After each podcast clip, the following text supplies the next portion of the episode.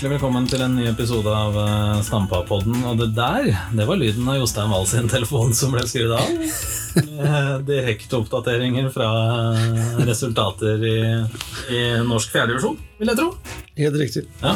Hvordan eh, ligger A-laget an? De spiller borte mot HamKam 2. Nei, det ser vel ut til at det kan bli et kneppent 0-1 eller 1-0-tap, da. Så vi får se. Men uh, det er noen runder igjen. Ja da. Det, Så uh, Kamma har tapt mot Kolbus, og det, er, det skal spilles. ja. det er um, Det er håp. Det er alltid håp helt til det er slutt. Det er jo det alle driver og sier. Men du, vi har fått helt nytt utstyr. Eller vi har ikke fått, da. Klubben har kjøpt.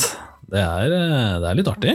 Du, det er veldig moro. Dette her åpner jo, øh, åpner jo litt nye muligheter for hva vi kan finne på. Så fra et markedsståsted så er det kjempeartig. Så, øh, men Stampapodden er en uh, kul greie, en bra greie, og det er bra med lyttere, og det er ja, god, god god, god stemning. Så dette blir spennende. Ja, det er gøy.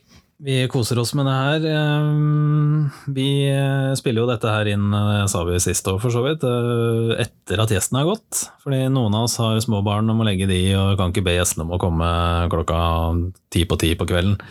Det er, det er ikke noe hyggelig. Så, eh, men du kom jo for seint i dag, Jostein. Første gangen. Ja, det er sjelden jeg gjør det. I dag uh, bomma jeg grovt på uh, avtaleboka mi, sånn at jeg, Bruker du bok? Jeg, jeg trodde, eller unnskyld, ikke bok, hva skal jeg si, med Outlook-kalenderen Ja, ja, ja. Eller rettere sagt, det var ikke bom i Outlook, men det var, det var uh, Jeg løper litt offside da, i forhold til å anta hvor lenge møtene skulle vare, så det er sjelden jeg bommer så grovt. Men uh, jeg ble tatt litt caught off guard i dag, altså. Men uh, ja, Ja. dessverre. Du er tilgitt. En høyrebekk i offside, det må man jo bare like. Ja da, det er noe med det. Men hvordan er um, livet i, eh, som daglig leder i fotballklubben nå? Er det, er det noe action? Ja, det får en si. Eh, Det er relativt mye som skjer, det er det jo alltid, da. Men det er fortsatt en veldig bra reise. Eh, Trives kjempegodt, eh, angrer på ingen måte. Det er masse spennende prosesser. Klubben er i vekst, så det gjelder å prøve å vokse da med kvalitet. Og mye spennende som skjer inn mot 2022. Ja. Så vi prøver å bygge litt sånn fotballklubb volum 2.0. Ja. Så eh, det, er, eh, det er spennende å være en del av det. Så må vi ta det litt etter hvert som det materialiserer seg. Ja. Men jeg har stor tro på at vi kanskje kan si, slutte å si vinteridrettsbyen, men si idrettsbyen. Og ikke minst at vi i løpet av ett til tre år har et eh, har også et uh, fotballprodukt å være stolt av. Da. Ja. Eh, ikke at man ikke skal være stolt av det fantastiske arbeidet som skjer for byens barn og ungdommer, og også voksne, men uh, hvis man tenker sånn rent uh, elitistisk og tabellmessig, da, divisjonsmessig da. Mange er veldig opptatt av at vi skulle hatt et A-lag høyere opp. Så skal man ikke glemme det betydelige bidraget vi gjør i forhold til livsmestring, kulturbygging. Integrering, forebyggende arbeid, samfunnsoppdraget, folkehelsen. altså Det er enormt. Ja. Eh, Men det er klart, eh, vi må ha to tanker i hodet. Og selvfølgelig ønsker vi gjerne også et spissa produkt eh, ja. eh, høyere, da. Men da har vi jo eh, ja, A-laget ligger jo og kjemper om opprykk. Mm. Uh, det er jo kjempeartig. De siste årene har man jo vært litt sånn middelhavsfarer. Nå kjemper man om opprykk. G19 biter fra seg inn til krets og slo Kisa nå siste uken hjemme. Så det er, du ser jo en fantastisk bratt lærekurve og fantastisk spillerutvikling, som er helt avgjørende da, hvis man skal få dette A-laget opp og frem opp. ja, definitivt. Er, eh, jo flere referanser du får på høyere nivå, jo bedre er det jo. Det er det. Så det er, det er god kok om dagen. Så nå er jeg vel egentlig mest glad for at Kroken sauna har åpna sesongen igjen, så vi kan Er det der? sette oss Jeg har vært her et par-tre ganger, ja. Så Er det? det er ikke nå i høst, da, men i vinter. Det er fantastisk. Men Bader du først, eller? Uh, nei, ikke nødvendigvis. Nei, men jeg pleier å begynne i badstua og så kjøle meg i kanalen. Så det det? er et fantastisk tiltak. Så, eh, ja, så da får man, eh, da får man uh, klare hæren får... etter en lang dag på kontoret. ja, det vil jeg tro. Dæven steike. Jeg tok ikke deg for å være en sånn isbader-type. Nei, Jeg er veldig glad i badstue, da, men man må jo kjøle seg ned på et eller annet vis. Det, så, men den er, den er kald, den overgangen, så det anbefales vel ikke å ha hjertetrøbbel. da. Nei, Nei det, det har du kanskje ikke, da. Regner jeg med. Nei, ikke så vidt jeg vet. Nei, nei, men det er bra.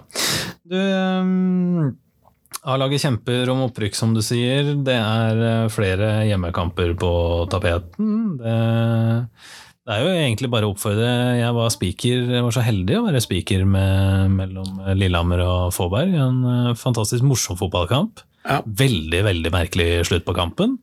Eh, men det er jo litt sånn sjarmen med, med bredde, breddefotball, at det kan skje, skje litt morsomme, morsomme ting der. Um, kanskje skulle utdypa den litt. Det, et, det ble dømt innspill Ja, det Fåberg. tilbakespill Ja, til keeper, så det som ble det, sånn var, type det var så ikke kontrollert det tilbakespillet at da har du høye tanker om teknikken til bekla, altså, Jeg mener jeg husker at vedkommende Det var jo en duell hvor da ballen altså den kom jo da fra en Fåberg-fot, men Ja. jeg tenker jo at det var øh, Ja, øh, det var strengt dømt, men øh, En dommeren veldig morsom, ja, ja, veldig, veldig morsom kamp. Rødt kort og god kok på tribuna. Det er rett og slett bare å oppfordre folk til å komme seg på kamp, altså, for det er, og nå blir det mørkt, det blir flomlys, det blir varm kaffe. Steike gode vafler var det. Ja da, Nei, den altså. oppskriften er jo legendarisk. Det er jo sånn uh, på vei til diabetes, så man bør Ja, ikke ja. spise mer enn én plate når uh, man er i kiosken, men den er veldig god, så det er koselig. Der står Britt og Trine, og det er øh, topp stemning. Ja, veldig bra. Så det må vi oppfordre folk til. Så kan vi oppfordre folk til å komme seg på interkretskamper òg. Det er jo det er herlig nivå, det òg. Du, det er veldig moro, så øh, det er absolutt å ja, ta turen på Stampa. Nå er jo høsten her, så for de som er kjent med Stampa, det er jo bare å ikle seg vinterunderlang og få på seg vinterjakka. Ja, for det blåser. Det trekker jo alltid litt Ja. den fønvinden ned Valbergskaret som får den, Føn? vindkorri- den vindkorridoren som blir mellom Einsiv Arena og Konsal, er jo ganske sjarmerende. Sånn Ja, at øh, man må bare kle seg, øh, og så er det mulighet for å handle i kiosken, og det er jo billig å komme inn, og i det store og hele hyggelig. Så ja. Sterke oppfordringer der. Og så um, kommer inn på det litt mot slutten av dagens episode. Jeg tror ikke vi skal tease det så altfor mye, for vi har ikke fått snakka om det sammen ennå. Men vi har en liten sånn um, liten godsak gående med GBK, våre venner i GBK, som vi kommer tilbake til i løpet av ja, veldig kort tid. Bare følg med på de usosiale mediene, er det ikke det du kaller dem? ja den digitale kloakken. Digitale kloakken, ja. Der er vi, med begge beina godt planta nedi. Der koser vi oss. Nei, men Da skal vi si um, happy lytting. da. Har du fått noe sluttresultat på LFK-kampen, eller?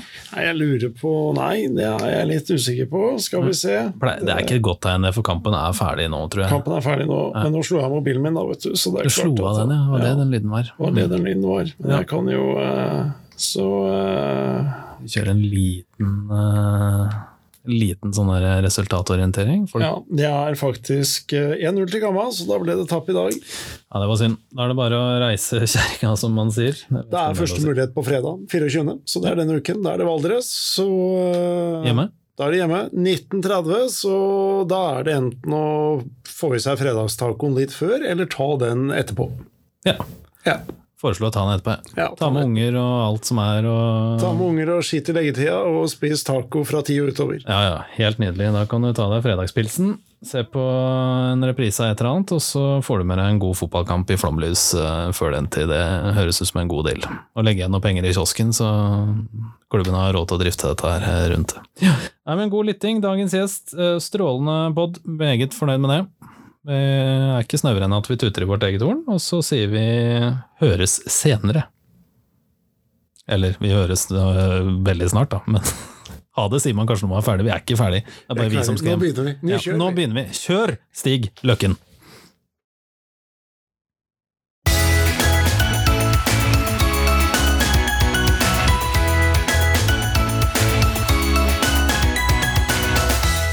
Dagens gjest har hatt en lang og innholdsrik og spennende liv i fotball.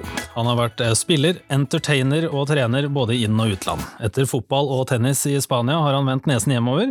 Nå jobber han blant annet med en form for tennis, men i langt dårligere vær. Velkommen, Stig Løkken. Tusen takk for det. Hvordan er livet til Stig Løkken om dagen? Padelansvarlig? Ja, litt mer. jo, nei, det er veldig bra, egentlig. Eh, nå har jeg bytta jobb faktisk for første gang i mitt liv, som du refererer til her. Så eh, nå har jeg begynt på Spenstad Arena og jobber med litt forskjellig, da, men ansatt som sportssjef, nyoppretta stillingen som sportssjef og avdelingsleder for padel. Ja. Og så jobber jeg litt eh, opp mot eh, bedriftsavtaler og marked i tillegg, da. Hva er sportssjef på Nå spør jeg fordi jeg er nysgjerrig. Sportssjef på et, sport, altså et idrettssenter, hva er det noe spesielt du liksom har ansvaret for, eller? Ja, er, I stort sett, uh, største grad, så er det padelsporten. Ja. Uh, men så er det å skape Sette i gang litt turnering på, på padel, men generelt uh, arrangere og ha litt events som går på aktivitet og sport på barn, ungdom og, og voksne. Ja. Så vi er i gang med selvsagt med padelturneringer og, og arrangementer rundt padel. Og så litt kursing på damer er i gang. Og så har vi satt i gang padelmoro for eh, kids fra fjerde til sjuende klasse. Det er jo genialt. Ja da. Er det Lillehammers svar på Jesper Mathisen eh, du har gående her, da? eller? Nei, jeg vet ikke det, men eh, det har vært morsomt å tatt den matchmåten. ja, det tror jeg på. Eh, og da er jo mitt eh, neste spørsmål, for jeg har prøvd cage i Oslo. Blir det cageball eh, noen gang på spenst, eller? Eh, det, er, det er litt usikker på, men eh, vi eh, er jo alltid på søken for å utvikle oss og, og komme med mer tilbud, så det er jo ikke helt umulig. Men jeg er litt usikker på om hun hadde slått til på Lillehammer PT, men Jeg tror ikke. tror du det? Ja, er ikke det en sånn litt uh, artigere variant av innefotball, da? Jo, jeg har ikke helt sett det, men er det, er det kunstgress og småmål med småvant rundt, eller? Ja, nei, det er jo vant hele greia rundt, egentlig. Ja. Det er jo inni et bur, da, mer eller mindre. Jeg var og besøkte Letohallen på Eidsvoll i forrige uke. Ja, Det er kanskje det fineste padelanlegget i, eh, i Norge, en av dem i hvert fall. Og de hadde det stående borte, så jeg. Ja. Men jeg gikk ikke bort og kikka. Men det er jo noe vi må vurdere, skjønner jeg. ja, jeg blir fast eh, ja, hvis kroppen holder, da, for så vidt. Jeg jeg begynte å spille, eller prøvde meg på noen treninger med Åsmarka, endte opp med en halvt avrevet akilles og to blå stortåtær i løpet av fire treninger. Så, Ja, det er, eh, det er noe med det. Jeg, jeg kasta meg med en match i sommer, og selv om vi bare sto i mål, så rev jeg opp hamstring dagen etterpå når jeg spilte padel, så det såpass. ja. Men du havna på forsida av VG. ja, det var ikke så verst, da. Uh, Ja, det får en si. Det var kanskje ikke så frakt som hun prøvde å legge fram til at det var. Jeg skulle tro det var brassespark fra 40 meter i krysset, men eh, det ble en litt morsomt. Altså. Det ble litt styr rundt det. Det var tydelig at folk her eh, var sultefora på fotball og breddefotball akkurat den tida der. Ja, det er det ingen uh, tvil om. altså. Men eh, du mm, Barn, vi kan begynne litt fra Vi skal ikke dra gjennom hele livshistorien din, liksom, men du Jeg husker jo deg fra, fra vi var små. Eller du er jo litt eldre enn meg. Du har jo vært god i fotball så lenge jeg kan huske. Husker du det sånn? Uh, Eller stemmer det? Det er jo ikke sikkert jeg husker riktig. andre får svare på hvor god jeg var, men uh, jeg var jo en eh, fotball, fotballgutt. Fotball har alltid vært uh, førstepri til meg. og vi, har, vi får høre litt av Børge Tofte etter hvert, men han eh, som prøver å si at jeg er født med ski på beina, men det er vel mer riktig å si at jeg ble født med en fotball rundt beina. Så jeg hadde en enorm glede og entusiasme for fotball fra jeg var liten. Og trente veldig mye og var konstant på Løkka og spilte fotball. eh, om ikke før skolen, så i hvert fall etter skolen eh, hver dag. Eh, nyttårsaften, julaften, om det var eh, 25 minus eller 25 cm, men som spiller ingen rolle. Så så eh, en reindyrka fotballgutt og en stor glede og entusiasme for fotball, det, det hadde jeg. Ja. Mm. Men hvor, eh, hvor tidlig debuterte du på A-laget da, eksempel? I Lillehammer? Jeg ble tatt opp i Asdalen den vinteren Eller var det 96-97? Jeg var 15 år når jeg kom inn i A-laget. Da lå jeg Pål Linni Simensen som trente A-laget.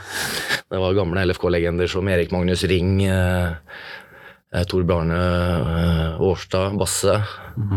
Thomas Haugen som gikk til Faaberg etter hvert, som var en bra stopper. Eh, Da var den tida som Boss og Bjørn Bredesen styrte skuta. Lå i tredje divisjon. Eh, Så jeg debuterte noen dager før, en cupkamp før jeg fylte 16 år, da, for jeg har bursdag 26. april. Ja, Ja. Det er tidlig. Til tre, altså selv, i hvert fall, i hvert fall sånn jeg føler altså I tredjedivisjon òg, det er jo det er jo habilt nivå. Ja da, det er, det er Eller var kanskje ikke så frakt da som det er nå, men- fysikk og alt sånt, hadde du det på plass, eller? Nei, jeg, jeg var jo veldig rask en gang i tida.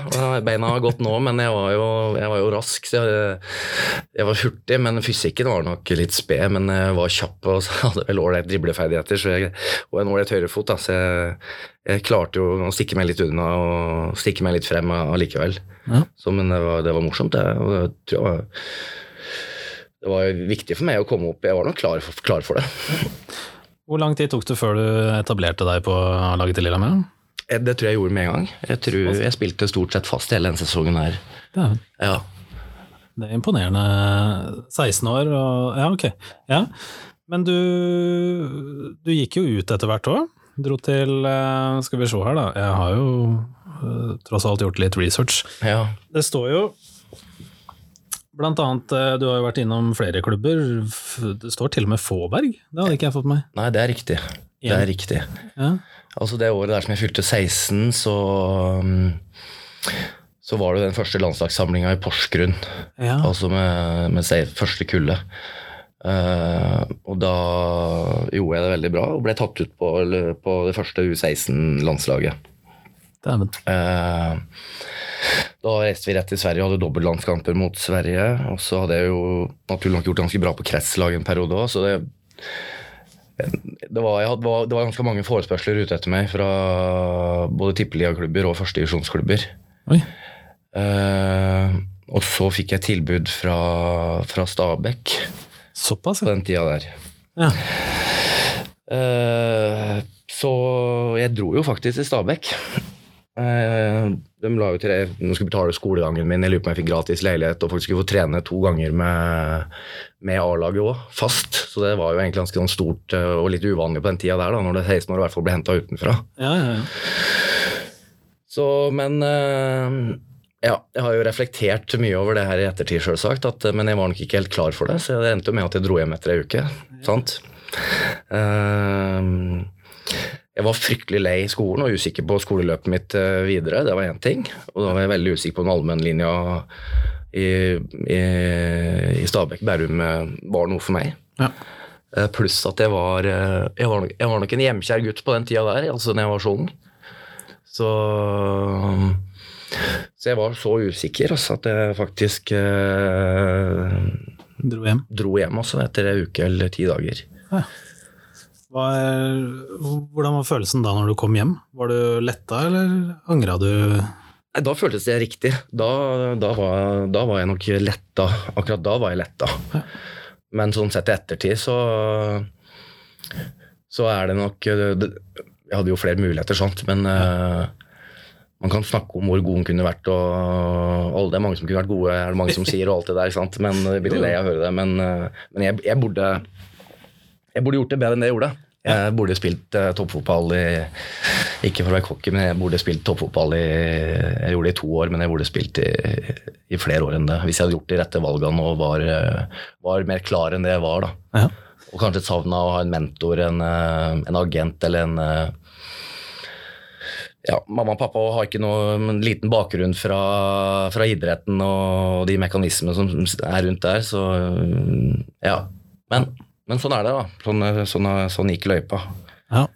Så, men jeg var jo sikker på i mange år at selv at jeg kom til å lykkes med fotball. Jeg så for meg at den lista, den løypa lå der, men det går ikke av seg sjøl. Nei, det er merkelig med det der. Du, Vi skal snakke mer om det, men nå har faktisk Jostein kommet. For de som har uh, lagt merke til at det er usedvanlig få avbrytelser her, så er det fordi han står og skraper på døra. Vi henter den, vi. Så spiller vi en trudelutt.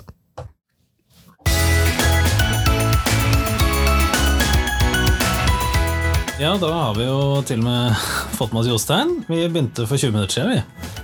Ja, Ja. det er sjelden jeg pleier å være for sein. sånn er det. Det må nesten dokumenteres de gangene du er Ja, jeg skjønner det. Skjønner det. Vi, eh, jeg har da som en god vert tatt imot gjesten. Og så har vi eh, snakket så vidt om at eh, Stig gikk til Stabekk.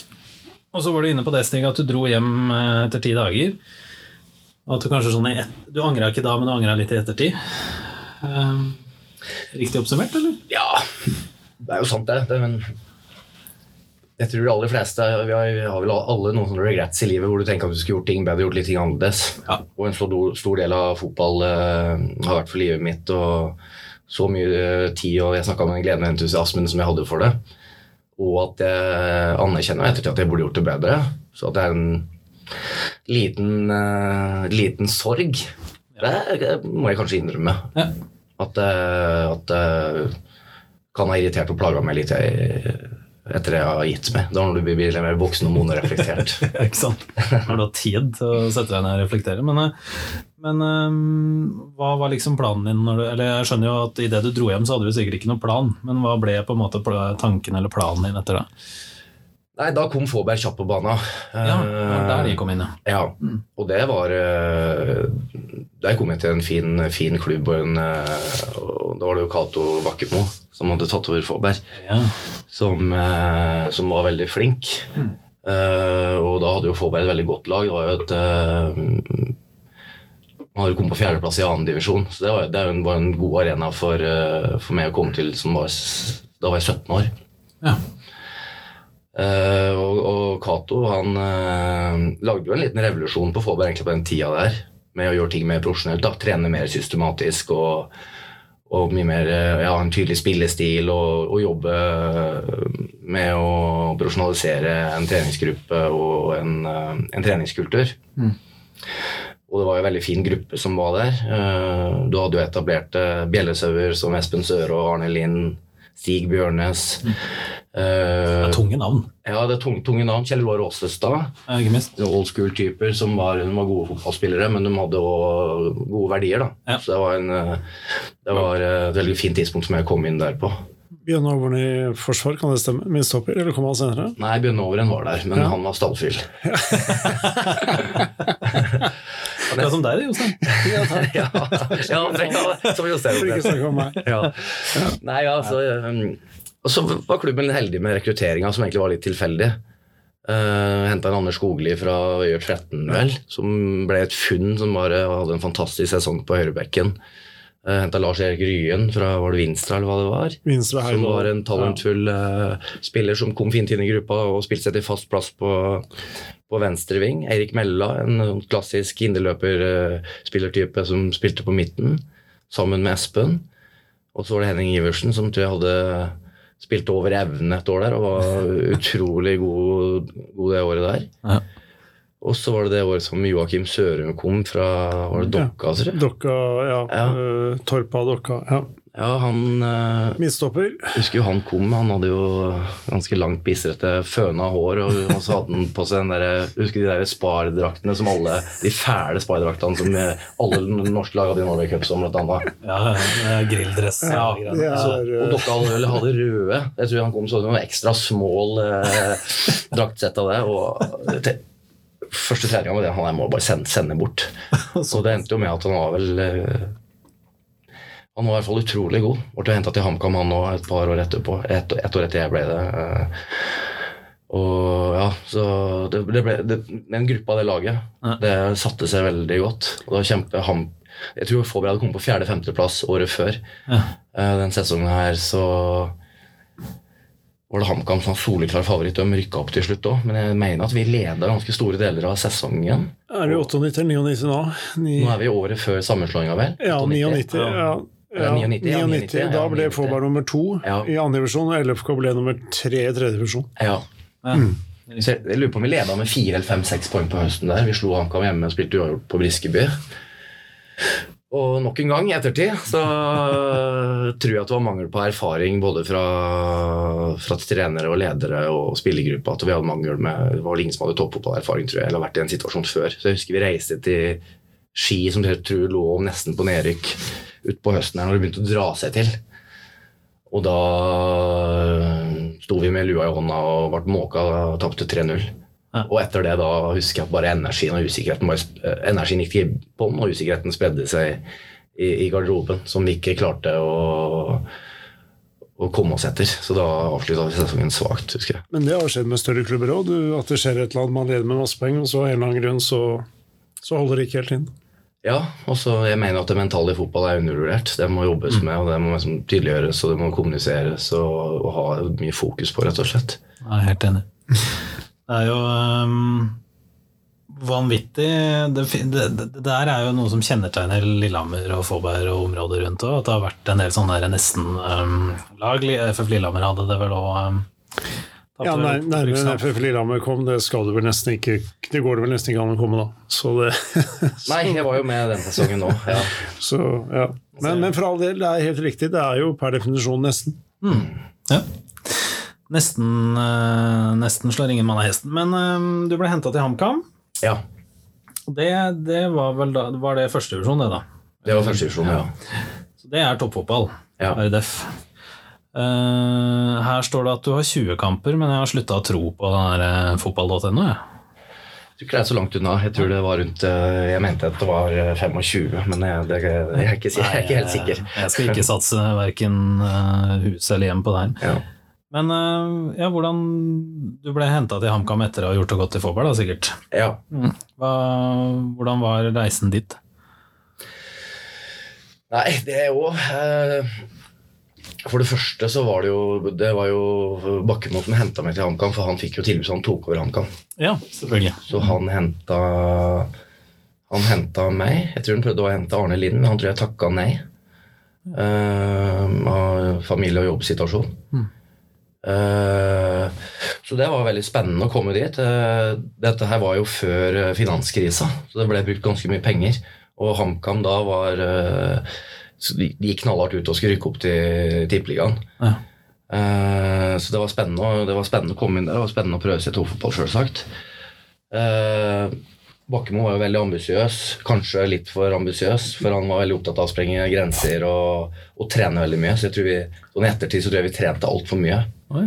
Det er vel kanskje å banne kirka si det om fotballspillere, men vi, vi trente enormt mye. Og på den tida der så var det Da var det ikke idrettsmedisin og hva er det heter nå, det derre um, eh, så, eh, og eller ja, fo- I Premier League og dem, de har sånne Ja, ja, ja. Um, Sport science, ikke sant? Ja, det, det, det var jo ikke noe sånn. Nei. Og vi hadde dårlige treningsforhold. Vi trente jo inni en gammel hestestall som var gjort om til uh, innekunstgressbane. Så trente vi masse i Vikingskipet hvor det var lagt en sånn liten biljardduk opp på betongen. Så vi, vi fikk veldig mye skader. Jeg blant annet fikk jumpers knee som egentlig ødela ødela ganske mye. Jeg tror at det var det som gjorde at Men det kan vi komme tilbake til litt senere, kanskje. ja. Uh, for jeg var jo Jeg hadde sleit med jumpers knee i ett år av de to åra jeg var på Hamar. ja.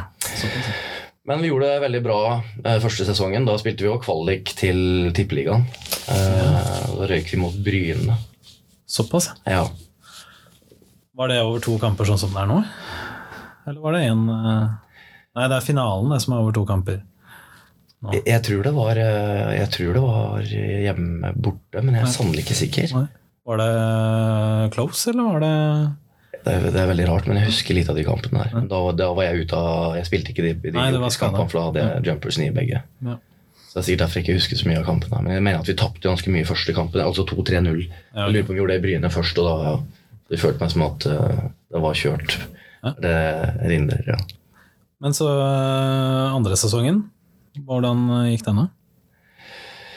Nei, da, da gikk det dårlig med laget og klubben. Uh, Økonomi, eller? Er det... nei, det, det ble, det ble henta mye spillere. Okay. Egentlig for mange. Eh, jeg tror klubben, klubben tok litt av. Eh, ble litt eh, overambisiøse og litt høye på oss sjøl og skulle kjøpe oss litt til suksess. Jeg husker det var et sånn irrita irritasjonsmoment blant spillere. Det ble gjort en del ting som ikke var helt bra. Det, ble noe, de, det var mange spillere som, som ble kicka ut. Såpass? Ja, og da var det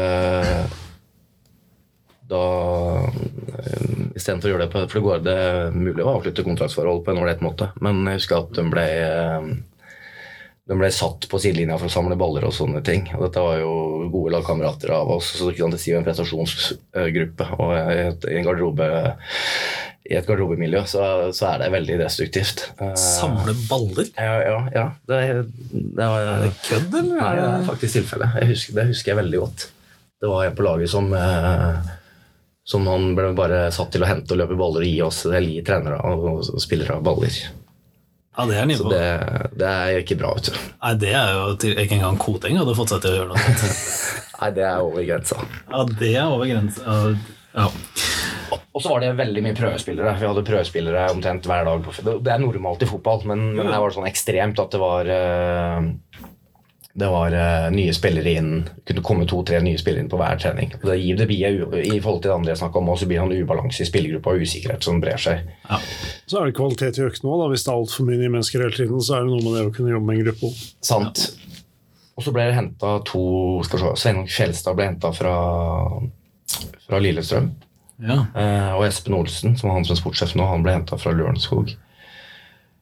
Uh, så da Cato og Trænla de var jo egentlig 4-3-filosofi og spillestil, ja.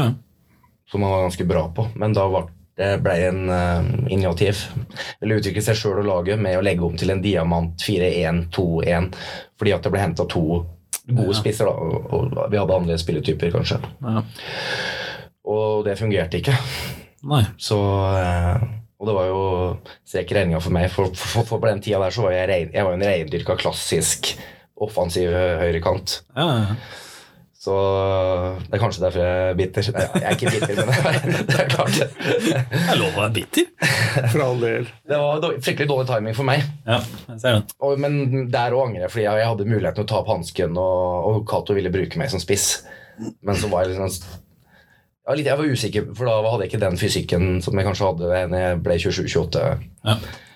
Så, og jeg likte jo veldig godt å spille kant, så jeg, jeg, jeg tror jeg holdt med på at jeg er reindyrka kantspiller. Der jeg får brukt farta mi og dribleferdigheter og innleggsfoten min, og det er jo riktig, men, men jeg tror jo at jeg kunne gjort en uh, god jobb på topp, da, så det var jo Jeg burde jo gjort det, selvsagt. Ja, men Det kommer litt an på åssen spisstype man er på utkikk etter, da. Ja.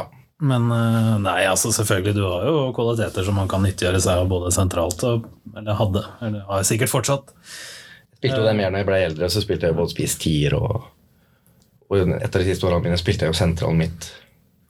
Det er kanskje det året faktisk jeg trivdes mest med fotball og kanskje hadde min beste sesong og i andre divisjon. det året som jeg spilte sentral under Øyvind. Det var veldig, veldig gøy. Ja, stemmer det. Men det har med modenhet og fotballforståelse å gjøre. Du får mer roen, og jeg hadde jo egentlig basisferdigheter og blikk til å spille det. Men jeg tror ikke jeg kunne spilt det når jeg var 19-20 år. For da var jeg litt sånn stressa av å være så lavt i banen og i sentrum av banen og, være, og det å være uh, feilvendt spesielt. da. Så jeg hadde ikke den tryggheten og, og eh, erfaring og forståelsen da som en naturlig nok får når en er eldre. Da. Men jeg tror det var mer med, med meg spesielt òg. Ja. Du fikk jo det etter hvert, for å si det pent. Men du, fotball.no påstår at du gikk fra HamKam til FF Lillehammer 2. Ja, det stemmer jo ikke, da. Nei, det kan umulig stemme. Men hva skjedde etter HamKam? Da gikk jeg til Gjøviklin. Ja. Ja. Eh, først så hadde jeg Det var en sånn greie som jeg skulle ønske at jeg hadde gjort annerledes. Men det var en litt annen tid på den tida der, for da var jeg 21 år. Ja. Eh, og da da, men da, for en første gang i livet mitt så var jeg skikkelig lei fotball. Oi. Eh, Men det var nok mye pga. skadesituasjonen min at jeg, hadde, at jeg slet jævla med, eh, med knæra. Ja. Eh, Så jeg slet jo med å gå trapper og husker jeg var på et mørkt kontor sju-åtte ganger etter stengetid på legekontoret på Hamar og satte sju kortisonsprøyter i løpet Nei. av de ett og et halvt åra. Kan du spørre hvor bra det var? Ja, det, det er det nok ikke. Ja. Så mista jeg Ståle Solbakken, Ståle Solbakken kom jo inn, for han kan rykke vi gikk jo fra å spille kvalik til å skryke opp, men vi rykka vel nesten ned. Ja. Og som, som sagt mista litt fundament andre året der, så, så Bakkemo fikk jo sparken. Og så hadde jo Solbakken gått litt i kulissene der etter han kom att fra var det Kjøben, eller? Kjøben var det sist han fikk den hjertestoppen Ja. og var på opptrening og, og tok over. Eh, så da hadde han en prat med meg, og da sa han som sant var, at eh, du har vært skada mye. Eh, du trenger å spille fotball. Jeg kommer til å spille 4-4-2. Og han, på den tida når han tok over HamKam, så var han jo Det var jo et litt ekstrem Drillo-fotball. Han, Ja, han, han utvikla seg, han òg, etter hvert. Men, men sånn var Og det lykkes han jo med. De rykka jo opp og gjorde det var et eventyr når han tok over. Så Definitivt. null kritikk til han, og, og fra mitt ståsted så Eller fra hans ståsted så skjønner jeg at uh, at eh, ja, det var et spørsmålstegn den tida der i forhold til skadehistorikk og spilletype òg. Sjøl om noe der òg tror jeg faktisk jeg kunne Jeg tror jeg kunne vært en bra back, faktisk. Høyreback. Og jeg tror jeg kunne vært en fint spille i den spillestilen han, eh, han hadde. Men det som var faktum, var at da var jeg, da var jeg veldig usikker. Da var jeg, jeg var sliten. Jeg hadde mista driven. Når du har mista driven og, og sulten, så, så, da er det vanskelig å da, da, da, er du ikke på rett plass til å skal gunne på i toppfotball. Nei, det er klart. Men uh, hvorfor da Gjøvik-Lyn? Nei, uh, Da husker jeg at da vurderte jeg og da bestemte jeg meg faktisk uh, for Jeg vurderte å gi meg, men jeg tok meg en lang pause. Så snakka jeg jo naturlig nok litt med Lillehammer, og dette var jo i, etter Det var store forandringer i FFL på den tida der. Det var, dette må jo ha vært et år eller to etter opprykks... Uh, ja, FF Lillehammer gjorde det jo veldig veldig bra to første årene, 2000 og 2001. Og så var det jo brukt litt penger, da, så klubben sleit jo litt økonomisk. Så det ble litt sånn EKG-chart i årene etterpå. Ja, ja ikke sant. Ja. Så, men det var et seriøst uh, forsøk. Man er jo, det er jo et av de, I nyere moderne tid så er det jo det nærmeste man har vært. Ja. Men det er klart man slet en del år med det ja. i etterkant. Så da var det veldig mye utskiftninger på spillesida, tror jeg. Så da tror jeg nesten ikke kjente noen som veldig få som var i Asdalen. Uh, jeg husker ikke hvem som trente med, men det var, var det, kanskje det året som Arne Lind trente. Og Hans var uh, Arne Lind var hovedtrener, lurer jeg på. Og Hans var vel med uh, altså fysisk trener. Og så lurer jeg kanskje på om du var med Jostein i en eller annen rolle. men Du var, du, du var ikke styreleder, men du var med. Jeg satt kanskje i styret på den tida. Ja. Jeg husker faktisk ikke. Det er det verste av alt. Jeg satt vel i styret i ja, gudene vet. Ja. 2000, ja, et eller annet. Fire. Tre. Ja. ja, altså ja, Du har sittet i mange av de stolene, da? Ja, det, jeg har sittet i mange stoler på alle sider av bordet også, så det for all del. Ja, Men det stemmer det. Det var en veldig turbulent periode, spesielt, uh, spesielt etter de første årene. da. Ja. Ja, så, ja, så begynte det å pirre litt i beina, og så husker jeg at jeg hadde dialog med Nybergsund og Gjøvik-Lyn. Uh, de, de, to satsa jo hardt på den tida der. De lå i toppen av andredivisjon begge. Gjøviklund henta mye bra spillere. De henta mange fra Raufoss og HamKam. da Mats ja. Brandstorp fra HamKam, som var en veldig bra spiller. Uh, Terje Olebakken, Atle Maurud, Ronny Børthus Kanskje ikke så kjent for alle som hører på poden her, da, men de uh, har nå spilt mange år i første divisjon og gjorde det Pål Arne Jensen, og han Børthus gikk jo til Raufoss igjen et par år etterpå. Så, så jeg vingla litt fram om Nybergsund eller Øklin, og så, så endte det med at jeg gikk til Øklin. Ja. Men Var det ikke flere der en periode? Var det ikke både Frode Bergum eller, eller hvem? Var det ikke en sånn trio Jo, det stemmer det. Jostein, det stemmer. Som var der? De kom med dem Det var etter deg, kanskje? Ja, men jeg spilte sammen med Jeg spilte sammen med de et halvt år. Ja. Jeg, jeg, jeg, tror jeg spilte to og et halvt år i Øklin. Så jeg er litt usikker på om de kom etter, etter første året mitt eller etter andre året. Og Morten Granum må faktisk komme. Ja. Jeg lurer på om Lars og Frode tror jeg bare ble at spilte et halvt år. For da, da var de så fornuftige at de eh, dro til Bergen og begynte å studere. Prioriterte det. Ja, ikke sant. Uh, Morten, ja.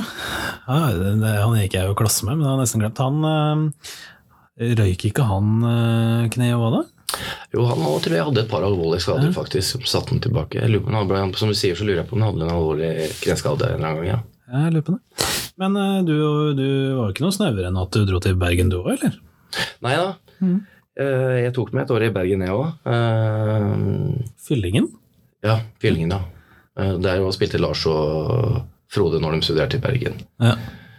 Så det, jeg var sammen med ei som skulle studere i Bergen. det var litt sånn det endte med at jeg ble med. Men uh, jeg var ikke kua, det er men, uh, men jeg hadde lyst til å gjøre noe Jeg hadde lyst til å gjøre noe annet et år eller to eller tre. Ja.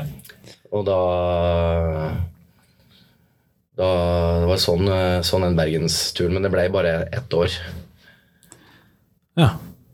Det, hvilken divisjon var det? Det var annen divisjon. Annen divisjon. Ja. Men etter det så kom du tilbake til Lillehammer, eller? Ja, etter det så kom jeg tilbake til Lillehammer, og da spilte jeg for Lillehammer helt til jeg ga meg. Mm. Så jeg var vel kanskje 20, rundt 26-27, eller tror jeg jeg kom igjen da. Så spilte jeg til jeg ble 32. Ja, for da hadde du, og du hadde noen gode sesonger på Lillehammer på den tida der. Ja, Som du sier, den der sesongen på sentral midtbane under Øyvind var jo Eller Alsen, da. Var jo en, men du har jo Det var jo noen sesonger der hvor Lillehammer hadde jo et ganske bra lag òg, vil jeg påstå. Hadde jo Vebjørn på topp, eh, Kvello kom inn og Ja, Kvello og Teigen var vel eh, stopperpar en periode Jon Bråten. Det var, eh, det var et habilt lag. Åmond var tilbake. Stemmer. Mm, Thomas Leck kom jo og hadde, hadde jo et par veldig bra sesonger i mål. veldig. Mm. Eh, Men til og med da, vil jeg påstå, i hvert fall Jeg drev og skrev mye fra GD jeg tror jeg på den tida der, og da eh, Det ble bemerka av flere enn meg, da, men jeg mener jo at på den tida også var du jo tidvis litt for god av og til for eh, det nivået. Du, du, man så jo lett at du kunne spilt på et høyere nivå. Ja, takk, takk for det. Det er ikke smisk. Nei, nei, nei. Ja, da tror jeg jeg, jeg jeg tror ikke han har gjort det. Uh, Det var en liten periode der uh, som, var, som HamKam var på banen igjen. Ja. Uh, Men, og da lurer jeg på om jeg var 8 eller 29. Og for, for da hadde jeg egentlig slått fram i tankene om å prøve meg høyere igjen. Ja. Da hadde jeg egentlig slått meg til ro på Lillehammer og trivdes godt med å spille på Lillehammer. Som jeg, hadde- jeg har hatt mulighetene mine. Jeg tenkte kanskje at jeg var i ferd med å bli for gammel òg. Jeg hadde liksom ikke noe jeg hadde ikke noe eh, ambisjoner om det i det hele tatt. Eh, men, men når jeg skjønte Jeg fikk en telefon eh, om at uh, HamKam var interessert om å, om å hente meg Jeg tror de hadde noen skader oh, ja. på sommeren der. Og da husker jeg, på, da husker jeg at uh, det vekte en lyst i meg igjen da, Ja. til å prøve meg. Uh, og da var jeg klar. Og da var jeg mer klar enn jeg var 19, det er i hvert fall helt sikkert. Ja, ja. På alle, alle mulige må- måter. Eh, men det, men jeg, det, det kom ikke så langt at vi fikk til eh, at, at det ble en overgang. Nei. Jeg husker ikke helt hvorfor det var, hva som skjedde, men uh, jeg vil at de, eh, de henta en annen. Det er jo ofte så enkelt. Men, eh, Ja. men eh, da var jeg skikkelig den, den muligheten var jeg klar for, så det har vært, eh, vært egentlig artig å, å, få den muligheten igjen da. Jeg ser den. Det er eh, Men eh, hvordan vil du karakterisere de siste årene der på Lillehammer, da? For det var jo mm, Det var et underholdende fotballag å se på. Syns jeg, i hvert fall. Det var mye morsomme kamper. Ja, Det var litt entusiasme faktisk. Det var jo litt tilskuere og litt trøkk og vi lå jo i topp Vi, vi gjorde det veldig bra var det vårsesongen. Vi lå jo i toppen av andredivisjon der igjen. da, så Det begynte å, å lukte litt igjen at det var et solid og bra lag. Og så var det en bra kultur. Det var bra, det var bra typer i garderoben. Det var en bra mentalitet og det var en bra trenings, treningsgruppe. Så det, det var Ja, så det ble levert bra. Men det, det var litt sånn, er litt sånn typisk Lillehammer at uh, vi mista Jan Rune han tok vel akillesen sin. Så han var vel egentlig ferdig. Det lurer jeg på om skjedde på høsten der. Teigen røk, Stemmer det. Stemmer det. Ja. Så han forsvant ut. Og det ble, var vel noe samme med Øystein, at han fikk en alvorlig skade, pluss at han flytta for å ta utdannelse til Danmark. Ja, i hvert fall Ja. dama skulle gå sant? Det stemmer, Så det. når vi endelig begynte å få opp en bra stamme og et bra lag igjen, så mister vi momentum med at vi mister eh, de beste spillerne og, og bærebjelkene. Ja. Så jeg tror det her så var så enkelt som det er. Ja, det var ehm, Jeg husker spesielt den vårsesongen her, og åpna vel borte mot Manglerud eller et eller annet sånt òg. Det var ehm, Jeg husker Vebjørn skåra på et frispark fra 30 meter eller noe sånt. Eller? Det var, eh, og selvfølgelig ikke keepermat, kan ikke si det, for da blir Webern sur. Men ehm, nei, det var, det var litt av noen år. Det var, Birkebeinerbanden ble laga, og det var, det var litt trøkk. Ja, ja, stemmer det. Ja, ja.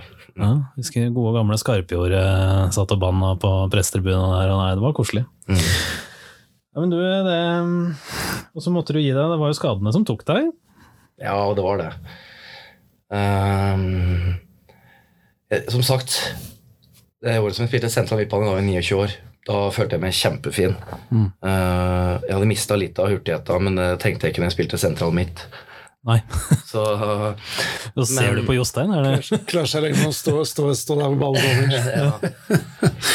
men, uh, men jeg hadde jo Jeg har lite bevegelighet, og det tror jeg er av at jeg har trent eh, Jeg tror kanskje jeg har trent for mye faktisk en del år òg, med reindyrka fotball, spesifikt fotballtrening hele tida. På Røysemoen, snøis, på asfaltbane og mye Håkonshall. Og har absolutt ikke vært flink til å restituere og tøye ut. og Så, så tror jeg noe er litt arvelig eh, anlagt fra, fra fatter'n som har hatt mye trøbbel med ryggen. og Ja.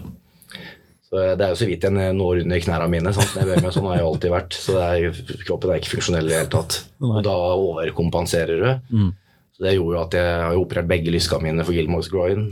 Såpass, ja. Dro opp med prolaps i korsryggen, prolaps i nakken. Det var sånn det begynte fra jeg var 26. Men så klarer du å dra strikken, da. Mm. Men når Altså, jeg merka nesten med en gang når jeg starta opp eh, jeg eh, etter den sesongen. Da begynte jeg å kjenne at nå begynner kroppen å, å gå. Ja. Så um, Da var det da kanskje jeg dro på meg Jeg tror når jeg var 30-31, så var jeg ute. Ble heldig med timinga. Så den, de prolapsene og skiveutglidningene jeg fikk, det fikk jeg om vinteren, tror jeg. Så jeg var ute vinterhalvåret, og så var jeg Nå ser jeg starten. Og du var heldig å ha prolaps om vinteren. var klar, så da spilte jeg. Det er deilig med litt prolaps på vinteren. da.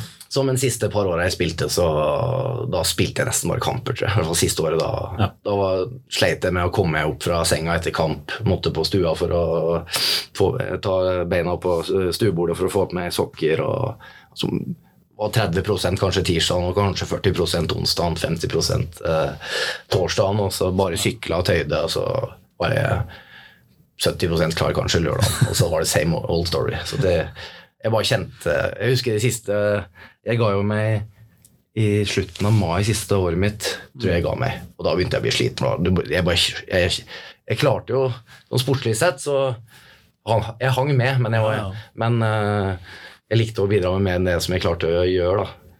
Så Jeg husker jeg sto på treningsfeltet og bare grudde meg til ballen. Jeg håper du har noen pasningsfølelse, f.eks. Mm. Så vær så snill, treff meg rett på foten. Det var sånn halv meter siden, så var det sånn at jeg nesten åh, at jeg ikke gadd å forflytte beina for å ta den. Ja, okay. Og det da skjønte jeg at nå, nå må jeg rett og slett bare hive inn en eh, håndkle. Dette er ikke noe moro lenger. Nei, det hørtes ikke veldig levedyktig ut, det der. Altså. Det, um, vi skal Vi må rekke noen sånne lytterspørsmål òg, da. Vi, her står det altså, Det første er en slags eh, hyllest av noe slag. Det, det begynner med spørsmål til Løkken, men eh, det står um, Stamkunden over alle stamkunder. Godt humør, god flyt i solen og aldri noe tull og en god tipser. I tillegg setter han Kane høyest av alle. Da vet man hvilke verdier og vilje som sitter mellom øra på Løkken. Ikke noe spørsmål, bare en liten hilsen fra den andre siden av bardisken. Savner den tiden. Du skjønner sikkert hvem det er, du? Hyggelig. Ja, jeg tror han og Det er da en tidligere Det må jo være Fredrik, sant? Det er Fredrik Larsson, Ja, ja. tidligere bartender på, på Sporten. Eh, en av de bedre. Ja, absolutt. Du, vi um, har fått inn uh, vi har forferdelig mange lange spørsmål i dag. Det er sånn uh, Da har, jeg, da har i hvert fall Børge Topp sendt inn spørsmål. Ja, det er helt riktig. Men jeg tenkte vi skulle begynne med OP Klevstad på Instagram. da. Ja. Um, han har flere spørsmål, men vi kan begynne med Da får alle bare bære over med den lange historien. Men det står en fantastisk uke under EM i Frankrike 2016 gikk mot slutten. Sju dager i Lyon, fire toppkamper, og turen skulle krones med Frankrike mot Irland. Kan du fortelle hva som skjedde med deg, Stig, da det eminente reisefølget med deg, Lekk og undertegnede skulle gå fra irenes camp nedenfor stadionet opp til inngangen? Hvorfor tok det så lang tid, og hva var grunnen til at du bare så vidt rakk avspark? Den skjønte jeg kom, da. Jeg, litt usikker om jeg har lyst til å svare på det. Jeg har lyst til å pase det, men jeg, jeg, bør, jo, jeg bør jo faktisk eh, ta den ballen litt. Grann. Nei, eh, Ole Petter er jo en kollega av meg. Vi har spilt litt fotball sammen. Eh, Ja. Veldig artig og fin type. Og vi har ganske lik humor, så vi har hatt det mye artig på tur og i sosiale lag sammen. Eh, og det er som han skriver, da, jeg hadde en fantastisk uke i Lyon under fotball-EM der. Mm. og det toppa seg når det ble uh, vertskapet Frankrike som trakk tilfeldigvis uh, Irland Ja. i åttendelsfinale, tror jeg. Stemmer det? Eh, som vi hadde billetter til. da. Og da kom jo vet jo, kjenner jo til irene, sant? de kom jo og tok over hele Lyon. Og så med et sånn fantastisk bidrag. ikke sant? Ja. bare positive, fulle av entusiasme og synger de folkesangene sine. Så jeg får jo gåsehud nå og bare snakke om det. Ja. Uh, nei, ja, og vi hang jo på Iran, vi sjølsagt. Vi som er gladgutter og elsker kultur. Så vi ble jo med dem. og Eh, Lyon stadion lå jo helt i ødemarka, men Iran hadde en park, eh, egen park eller fanzone eh, rett inntil stadion. Så vi var med og sang folkemusikk og fikk en eh, ene Heineken etter den andre. Ja, deilig. Så eh, Men det var, det var bare hyggelig, og vi var, var i fin form, vi. Uh, Men det som skjedde, var at uh, man må jo tisse, da, ikke sant? Og det er litt viktig å gjøre før uh, Det er ganske mange folk som skal inn på stadion, og, og du skal gjennom noen sikkerhetssoner. Ja. Så jeg snek meg nå bak en, eh, en TV-crew der og skulle tisse. og Så kjente jeg litt at nei, jeg tror jeg må, må slippe den litt med meg. Så kan du jo tenke deg sjøl at det gikk gærent, da. Så da, da, da, da sleit jeg litt, for da skal jeg gå inn på sikkerhetsradioen og bli sjekka om jeg, hva jeg har med og sånne ting. Så ja. med, og så sto jo Thomas og Ole Petter og venta på meg før vi skulle gå inn sikkerhetssona der. Og da kom jeg rimelig hjulbeint og litt småbekymra gående opp til dem. Så de så litt på sjekka for meg og sa hva som hadde skjedd. Og da brast jo dem sjølsagt ut i tidenes latterkrampe. Det er forståelig, altså. Ja. Ja. Så det var det som skjedde. Men heldigvis så var stadionet var omtrent helt ny. Så det var Ja. stort handikap-toalett og vi ordna meg godt før kampen, så det ordna seg. Ja, Altså. bra. Det ble kommando resten av dagen, eller? Ja, det ble nok det. Eh, Ole Petter han tror jeg han får, har en god latter, og han ler jo så tåra renner. Og det tror jeg han gjorde resten av kampen. Så vi var, vi var litt bekymra over eh, Jeg måtte jo legge igjen en uh, boksershorts under toalettet så vi var jo egentlig livredde for at det bombealarmen skulle gå der. Og spole hele Det har vært rått. Kommer en eller annen kar sånn Mistenker jo begge funnet på handikaptoalettet. Ja, ja. Og politimann i full body armor. Åh, deilig. Du, vi kan følge opp, eh, siden eh, Ole Petter er god på å stille spørsmål. Så eh, hva slags type matporsjoner liker du best, og hva spør du alltid etter når du skal kjøpe deg mat og er veldig sulten? Veldig Den- spesifikt spørsmål. Jeg er litt usikker, men jeg tror jeg er litt intern. Fordi Jeg og Ole Petter har, har med det når vi snakker med folk, eller folk vi har kamerater eller har relasjoner til, etter, at vi henger oss opp i ting som vi syns er morsomt. Det kan være en kommentar som eller noen, no, noen forteller som, som eh, ikke nødvendigvis er så morsomt for alle andre. Så denne, her, denne her tror jeg går på vaktmesteren på, på Røysemoen eh, barneskole som eh, veldig veldig fornøyd når han har noen gode opplevelser. Og da liker han å fortelle om det eh, langt og lenge. Så når han har vært i Syden og kommet tilbake, så er det da, da er alt frakt uansett hva det er. Og maten og prisene. Og så da sa han til slutt en gang at Også så store porsjoner, da, gitt! Far. Så jeg tror, det er, jeg tror den Det kommer er den derfra. det kommer fra. Ja. Ja. Og skal ikke kimse av litt store porsjoner. Det er Nei. det. Um, og så er det en liten Dette er det siste fra Ole Petter, for så vidt. Men uh, det her er jo egentlig en liten utfordring til deg. Altså, nevn topp tre favorittspillere som har spilt i England, men aldri på United. Det må jo, For full disclosure her, så må man jo si at du er jo United-fan av din hals.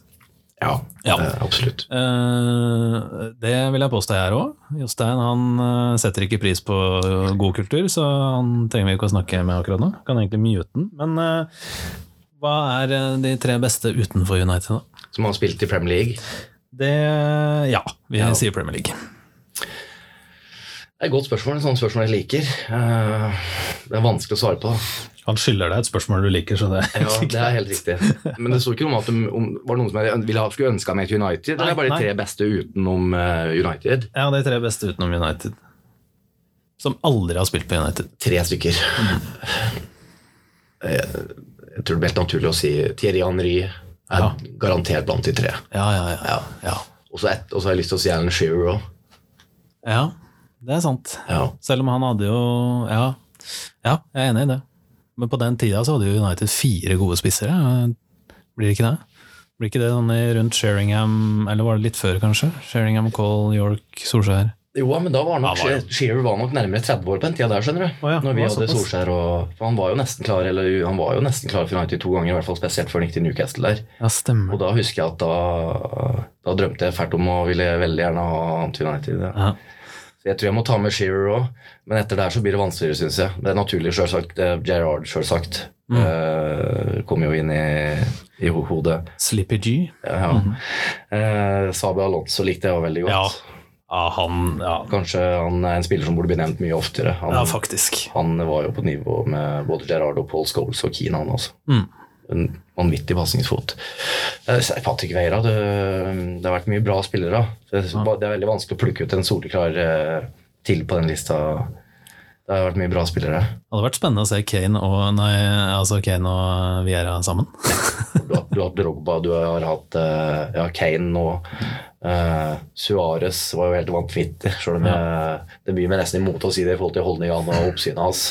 Og, Ja, men han var god, han var god et eller helt år der. Altså. Ja, han var, han var, kjøtt.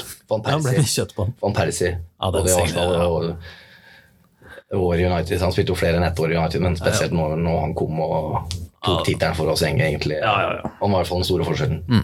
Ja, den der volleyen han hadde Aston Villa hjemme, 3-0 Ja. var det vel som Det er kanskje ett ja, Ved siden av den der brassa til Rooney mot City, er kanskje et av favorittmålene mine. ja.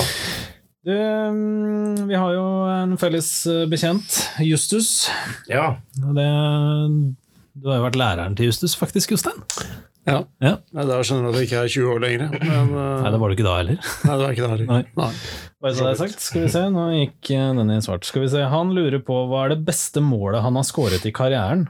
Og så litt førende ledende spørsmål. Og hvorfor er det brassesparket fra midtbana på grusbana på Røyselmoen med rosa fotballsko? Ja, det er en litt sånn der legende, det målet. altså Justus ja, vi ble, Han var jo veldig aktiv på Jeg sa det vel før du kom, Jostein, at jeg vokste jo opp på Røyselmobanen. Ja, ja. Den tida der så var det jo grus. Mm. Men det som var fantastisk, var at de, da, den, de brøyta bana om, eh, om vinteren. Mm. Så vi Jeg var der eh, Jeg var der hver dag. Og det var ofte Justus òg. Vi var en sånn fin gjeng. Det var en veldig god kultur der, så vi var mange som spilte der mange ganger i uka og i helger. og så hadde vi en kamp der, skjønner du. Så hadde jeg, han nevnte noen, eller noen par fotballsko. Jeg hadde fått tak i noen der skikkelig ræla med fotballsko som utrolig nok var veldig gode. Ja. Jeg vet ikke om du hadde fulgt med noen sånn Boeing-blad, var det, det var så merkelig, men de var så mjuke og gode. da. Ja, ja. Da var vi jo bare Da var vi unge, sant, så dette her ble jo det ble litt sånn eventyrsko, dette her. Gullfoten. ja. så var det en kamp der som eh, som jeg fikk en ball. så det er litt sånn, Jeg hadde et brassespark som var faktisk fra, fra midtbanen, men over på sjuer- sjuer- sjuerbane. da. Jo, men lelle. Og det Ja. tror jeg gikk nesten i, opp i krysset, så det, det, var, det, var, det var et fint mål. Såpass, ja. Ja, ja, ja. Men er det det fineste målet du har skåra? Du står jo bak et par eh, lekre Ja, ja jeg har skåra en del fine mål, faktisk. Ja, frispark og skudd egentlig, og noen driblinger, men uh, vanskelig å plukke ut. Jeg prøvde å tenke litt på det før jeg kom inn. Ja. Jeg visste jo akkurat eh, at det spørsmålet ville komme. Ja. Men jeg har faktisk skåret to ganger direkte fra avspark. Det er litt spesielt. da. Det har jeg gjort to ganger. På, på elver, eller? Ja, To ganger på elver. En gang i Dana Cup. Da tror jeg jeg bare var 16 år. Såpass. Spilte en cup, eller sluttspillkamp mot et svensk lag som var ganske bra. Og så tror jeg de hadde scora utligna. Så fikk vi Nei, Da ble det jo avspark, naturligvis. Ja. Men tida der så var, da var det ikke lov til å så For i dag så kan du skyte direkte uten at ballen ruller. ja.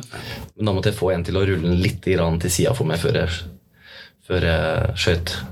Og Keeperen sto langt ute.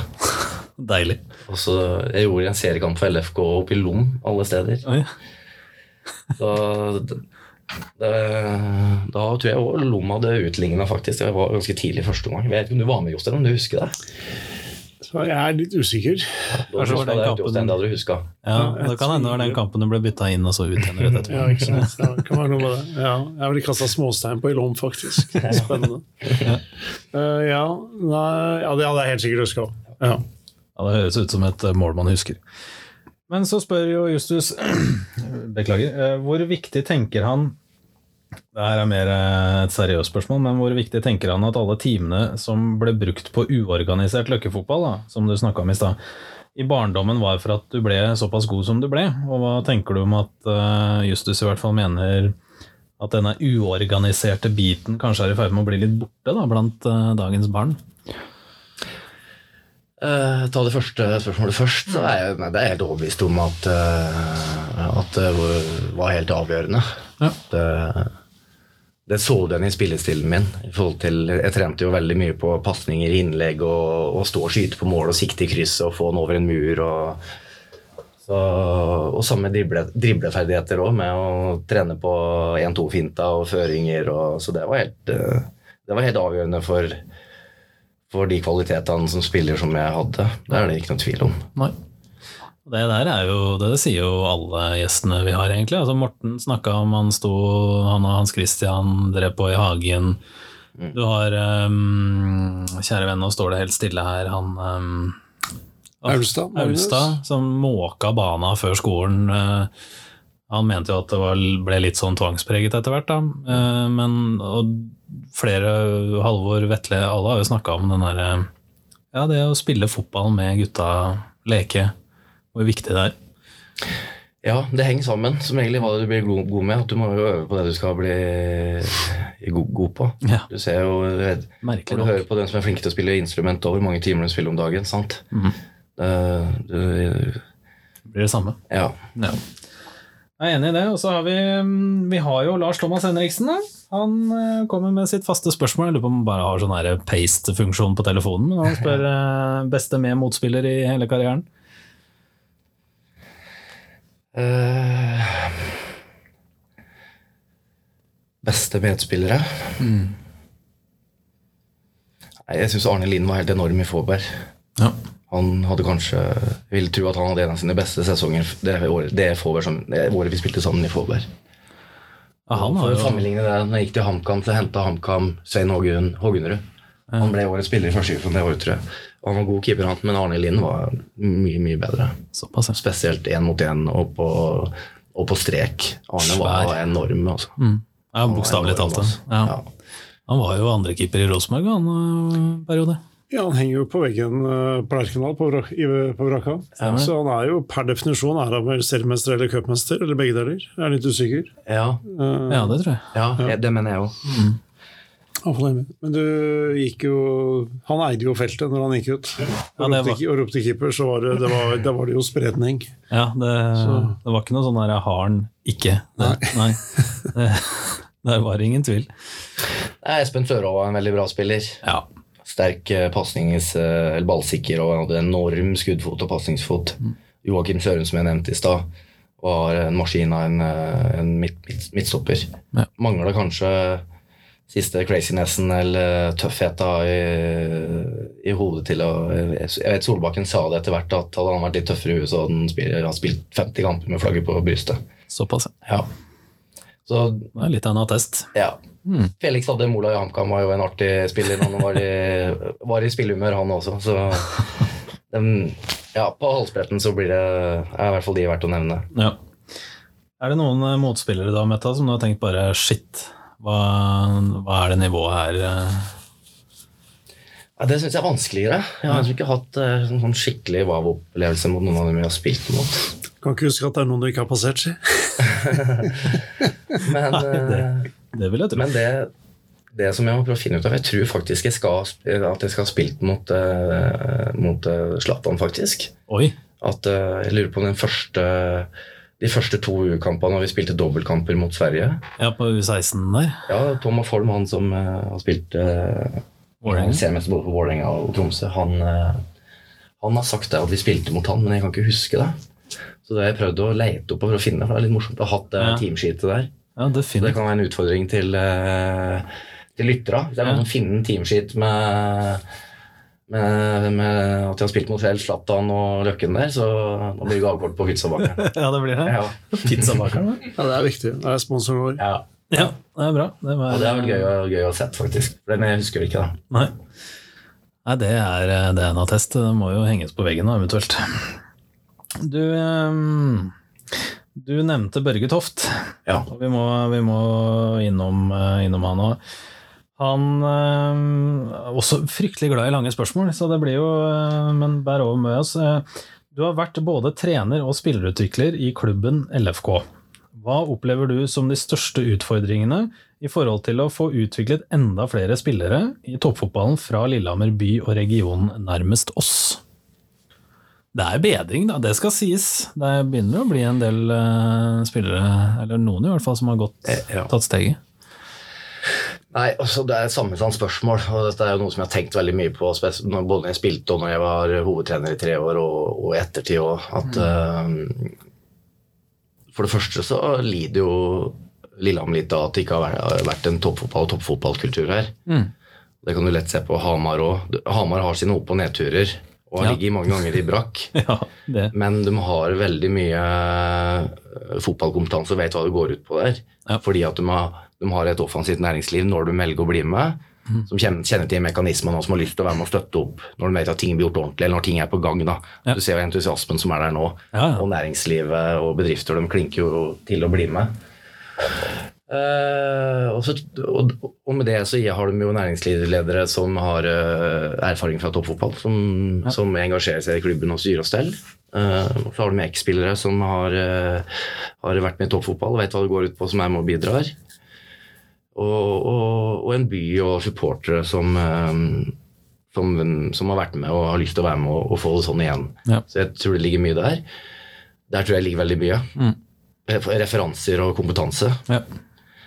Ganske viktig. Eh, og så um, Og så ligger det nok mye på treningsforhold, det å legge til rette og kunne legge til rette. Ja.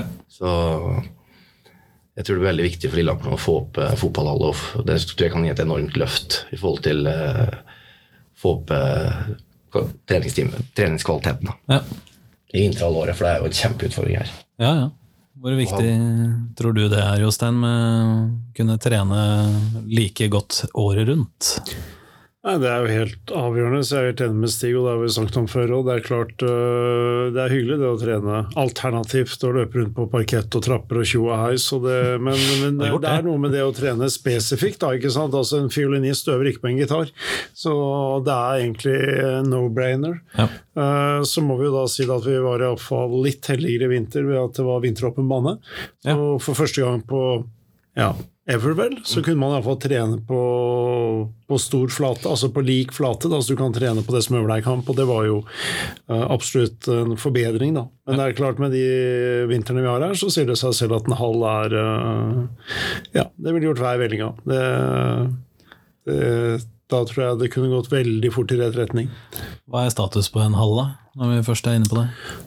Litt usikker. Det er, det, saken skulle vært litt opp til behandling, så er den utsatt litt. Så det jobbes for litt i kulissene. Så øh, det er PT uavklart. Uavklart, ja. Men det er ikke Det jobbes, så får man se hvor den havner. Det er, øh, det er annet komplisert. Men det hadde vært fantastisk om det hadde skjedd. Ja, det er vanskelig å være uenig i det, da. Men um, hvis vi skal gå litt videre, Børge spør jo uh, du har, en trener, du har jo en trenerkarriere som man kanskje ikke kjenner til fra Spania, etter at du var trener i LFK. Til tross for braksuksess på kort tid i Malaga-provinsen, hvor du fikk gull ut av gråstein, valgte du å trekke deg ut igjen fra trenergjerningen. Hvorfor? Vi har, ikke, vi har jo ikke snakka om det, at du var i Spania, bortsett fra jeg nevnte det jo helt i innledningen. Da. Ja, stemmer det. Jeg tok på meg et engasjement, så jeg jobba på norske skolen i Malaga i to år. Ja. Så jeg flytta hjem forrige sommer. Ja. Hvorfor flytta du hjem, da? Eh, nei, I utgangspunktet så var det bare engasjement ett år. Å ja. Så det var bare sånn eh, Litt i forhold til det jeg snakka på før, med litt eh, Litt uh, regrets over noen muligheter man ikke har tatt før, at jeg kanskje ikke gjorde mer ut av fotballen. Mm. Eh, det sa jeg vel ikke i stad, men jeg var 21 og ferdig på HamKam egentlig òg. Ja. Så i ettertid så har jeg tenkt da burde jeg jo bare pakka bagen. Da burde jeg hatt en, fått tak i en agent, og så Ja, burde jeg bare reist om det var stått i spilt tredjedivisjon i England eller eh, litt ned i divisjoner i Danmark eller Tyskland eller Sverige. Eller, det tror jeg kunne ha gjort. Ja, ja. Og levd av fotball i fem, seks, sju, åtte år. Da, og det har vært en veldig, veldig fin opplevelse og erfaring på alle mulige måter. Ja. Så det det blir sånn når man passer på å bli eldre, Jostein. Det er ingen som tror at vi skal bli det, men når du har sånn passert 40, og, så er det sånn fader. Og så dukka det opp en mulighet eh, Det var jo eh, samboeren til Børge Toft som eh, Hun jobba jo der året før jeg fikk eh, muligheten. Ja. Eh, Så var det litt sånn helt tilfeldig at hun, var på besøk på, på Røysemoen barneskole. Vi var jo kollegaer og jobba og samarbeida mye sammen. Veldig flink dame, forresten. Som har lært meg mye. Så sa jeg slengte egentlig bare kommentar til han når det ringte inn. Og er fader, må, må si ifra hvis det er noen muligheter nede der. Så er jeg klar. Uh, og så gikk det litt tid, og så er det jo sånn at skolestrukturen nede der, eller norske skolen i utlandet er jo litt annerledes enn her. Ja. Du har kanskje 50 fast ansatte, og så har du 30-40% som tar ett år, og så har du ja, 10-20 som tar to år. da. Ja, sånn. ja. Så da blir det jo Da må de jo ut og ha nye folk hvert år, så da søkte de etter eh, nye folk og en stilling som passa meg bra. Ja. Så da ga Mette meg et tips om å søke på jobben, og det gjorde jeg. Uh, og den fikk jeg. Så da tenkte jeg at nå er det ikke noen unnskyldninger. Nå er det bare å ta den muligheten her. At det kommer til å bli en kul opplevelse på alle mulige måter. Ja. Så det var sånn jeg havna der. Og et år gikk jo veldig fort, så da bestemte jeg meg for å ta et år til. ja. Men da, da er det litt Men da Da var jeg bestemt på at det blir siste året mitt. Okay. For det, det, er, det er flere ting som spiller inn. Det er økonomi. Du, du følger jo det spanske systemet, og du, du må skatte til Spania, men samtidig så får du skattesmell, og det var veldig usikkert med skatten og skattesmell du får i Norge. Amen. Og så er det det med eiendom, ikke sant. Skal han leie i Spania, skal jeg kjøpe noe i Spania? Så ble det sånn av forskjellige årsaker at jeg solgte leiligheta mi her før jeg dro. For jeg var på utkikk etter ny leilighet, og så var det snakk om at det skulle bli noe bebyggelse utafor stuevinduet mitt. Så da ble det sånn Nei, nå selger jeg, så kjøper jeg den og kommer hjem. ja. Så ja, så du føler at du har livet litt på vent, da. Ja. Lenge skal jeg bli her. Eh, skal jeg gønne på nå, ta tre år, fem år, ikke bosetter meg her og kjøpe meg leilighet. sant? Så det, men jeg var veldig fornøyd, og det er en av de beste avgjørelsene jeg har tatt. Jeg hadde det kjempefint. Var litt kjipt med lockdown og portforbud de siste, siste månedene der, men jeg kom seg gjennom det òg. ja, ja. Og så er det jo det er noe med lockdown i sol, det er jo bedre enn lockdown i snøvær, kjenner jeg. Kanskje? Ja, jeg tror nok det. Jeg bodde jo faktisk på beachen i Fungisola, men jeg hadde um, andre rekke leilighet, altså jeg hadde faktisk ikke veranda eller balkong. Å nei. Så det var det var inne i altså 65 dager hadde jeg inne som jeg ikke hadde lov til å gå ut av døra. Du hadde ikke lov til å gå ut i det hele tatt? Nei, jo, du, du fikk lov eneste. Det var hvis du gikk på butikken og kjøpte nødvendige varer. Ja. Men det var helt folketomt i gata.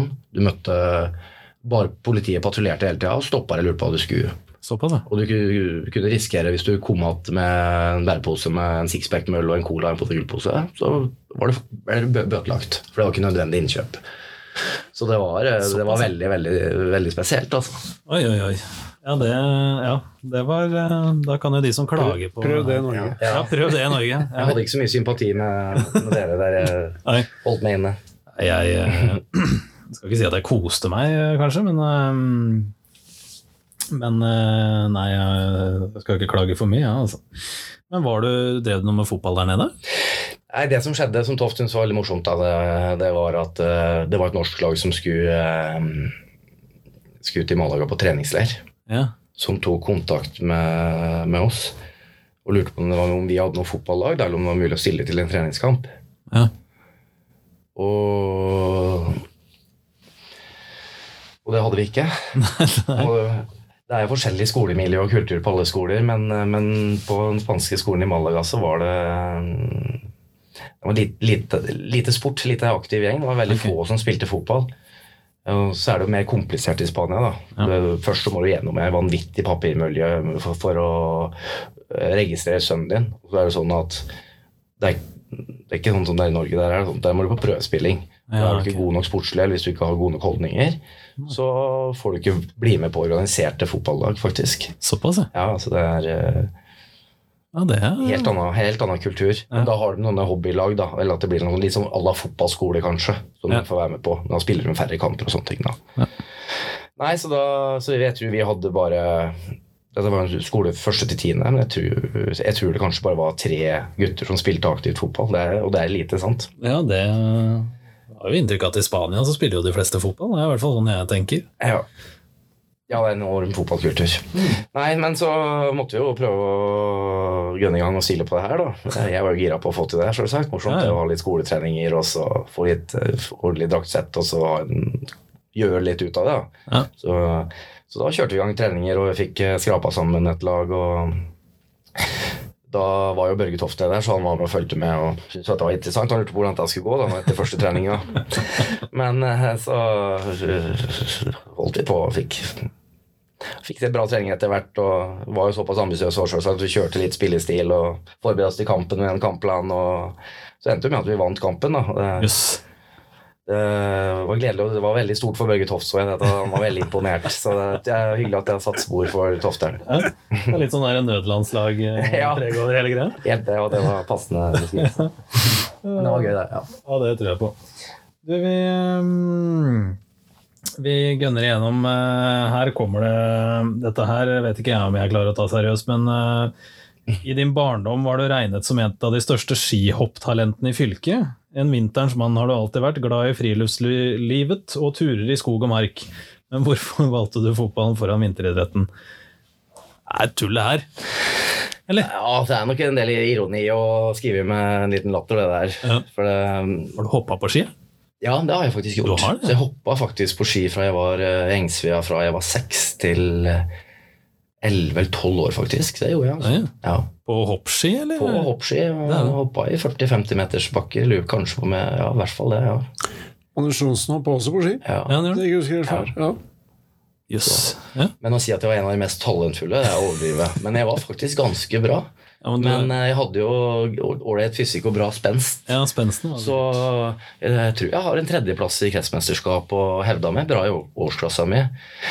Men eh, jeg var jo helt talent Altså hoppteknikken min Mm. var jo helt uh, når, det, ikke sant? når du begynner å komme opp i 40, 40 metersbakker og, Og og begynner å ha litt uh, teknikk på, i, i svevet spesielt, så datt jeg jo helt igjennom. Ja. Sant? Det var jo V-form på, på bodyen så fort jeg kom ut av hoppkanten. Og, og I tillegg så var jeg, begynte jeg å være litt pinglete på fart og høyder. Ja. Så jeg var, Dårlig kombo. da- Det er dårlig kombo. Ja, det er dårlig Så jeg husker siste vinteren jeg hoppa, så da var jeg ferdig. Så det var, var Men det var timing for fotball, da. Ja, ja. Det er jo Det er uh, uendelig mye mer, mer talent i skihopping enn resten av rommet her, tror jeg. Med mindre du har noen skjulte greier. eh. Nei, jeg er jeg god på ski, da. jeg, jeg, jeg, god- jeg er skapelig god på nedoverski. Det vil jeg si. Ja, det, du har timene dine på nedoverski. Ja da. Så det, men jeg tror ikke jeg skal sette ut fra en oppbakke. Ja da. God på afterski òg. Ja. Uh, a meg. Nei, vi skal ikke åpne den døra. Um, da tenker jeg vi, Han har et eh, spørsmål til, Børge. Vi har for øvrig som vanlig valgt bort en del spørsmål. Altså For de som er såra av vondbråtene, så må de bare um, være det. Men um, vi har jo vært litt inne på det, dette her med den genuine fotballinteressen og idrettsinteressen i denne byen her. Børge lurer på om Altså Hvorfor det er så relativt få lillehammeringer og lokale som bidrar over tid og utdanner seg til trenergjerningen, da, f.eks. Uh, mange mener veldig mye i denne byen, uh, men bidrar lite eller ingenting. Står fotball og idrettsinteressen seg ikke lenger enn til om egne barn er aktive eller ikke? Det er jo et interessant poeng. Ja. ja det er jo et sammensatt spørsmål, men mm. han er jo inne på mye, mye her. At uh, eh, Hvis man ser på historikken, så er det jo Og det er man avhengig av, og det har vært mange flinke folk også som har vært inne. Men jeg tror nok at hoved, hovedmotivasjonen har jo vært Ikke hovedmotivasjon, men man får et engasjement og ekstra motivasjon og tilhørighet når man har med egne barn, er naturlig. Sånn er det i barne- og ungdomsidretten. og Ja, du følger jo opp barnet ditt samtidig som Ja. du dyrker en felles Så er interesse. men, Og det er jo det er vi jo avhengig av, og sånn eh, må det være i mer eller mindre grad. Men det kan jo føre både negative og positive ting med seg, selvsagt. Og, og det har det nok gjort på Lillehammer eh, noen år før, i hvert fall. Hvor det er litt sterke meninger og litt korridorprat, og man eh, drifter kanskje noen eh, noen enkeltlag som eh, på en måte som ikke er helt hensiktsmessig. At det blir for fokus på lag og spillestil og, og resultater. da. Ja. Og ja, så men eh, Men jeg syns jo nå, nå Nå har ikke jeg fulgt med så veldig tett etter jeg ga meg som hovedtrener nå sist, men jeg følger jo litt med og snakker jo med Børge og snakker med flere folk i klubben og, og følger jo med litt. Grann. Det virker som LFK har gjort mye riktig nå de siste årene. At, eh, at på de tingene som han nevner der, har de satt fokus på. At uh, ikke uh, i forhold til uh, ja, Justus i stad, vi glemte så i forhold til den organiserte Ja. snakket, Vi snakka litt om um, den trening av persen som, som jeg var vokst opp med, den kulturen. At den er det virker som den er i ferd med å dø ut litt. Ja. Og I sommer så har jeg tenkt mye på det, for jeg har vært ute og jogga litt og sykla litt. Så jeg Så jeg er faktisk interessert i foto blitt, så jeg tok meg noen runder og så både så og tok litt bilder av alle løkkene som var på Lillehammer. Oh, yeah. Og det med Er det sånn kunstprosjekt? Løkken ja, ja, kanskje vi får, vi får se hva som kommer. Løkkens løkker. Løkkens løkker. Løkkens løkker, ja, det, er- det var inne på nå. Ja, den boka kjøper jeg. Ja. Men det har jeg tenkt, på, tenkt over i flere år. Det, er jo, det snakker vi om, vi gamle, gamle gutta, og at de løkkene nå de står jo stort sett tomme også. De gror igjen. Mm, Ja, de gjør det. Og så, snakker de om, så er det noen som sier at ja, kunstgressgenerasjon at de trener på kunstgress eller spiller kunstgress nå. Det skjønner jeg, men, men nå jobber jeg nå på Røyksmoen barneskole. Vi har en kjempeelverbane Ja, og en sjuerbane. Hadde vi hatt det da jeg var liten, det hadde vært som en drøm. ja. Og eh, når jeg flytta hjem før jeg fikk kjøpt meg en ny leilighet igjen, så jeg har, jeg har jo hus oppe i, i Vårstien, så jeg har ramma utsikt til Røysemobanen. Når jeg har vært hjemme, hjemme på ferie og før jeg flytta til Spania, så, så er det nesten ikke aktivitet om sommeren og tidlig høsten. Det, det, det syns jeg er veldig rart. ja. Så kan man snakke om ja, hvorfor er det sånn. Er det, men samfunnet og kulturen er jo i forandring, da. På bedre, på godt og vondt, kanskje. Og om det, det blir kanskje for enkelt å si at det er en spillgenerasjon nå, men det er klart unge har mye mer å drive med i dag. ja. Definitivt. Eh, så ja, det er nok det, en, det er jo en greie i bildet, sjølsagt. Det er det. Ja. Eh, men derfor så er det godt å se tilbake til det LFK at de eh, har gjort en del bra ting i forhold til å spe på som alternativ for det, da, eller for å erstatte det på den løkkefotballen, så har de jo fotball ekstra og er det teknikk ekstra, de to tinga som kjøres. Det vil jo være en god og naturlig erstatning for det, da, at da får de igjen den biten der. ja, definitivt. Du får trent ekstra mer detaljert og, og ferdighetsutvikling, spilleutvikling. Da.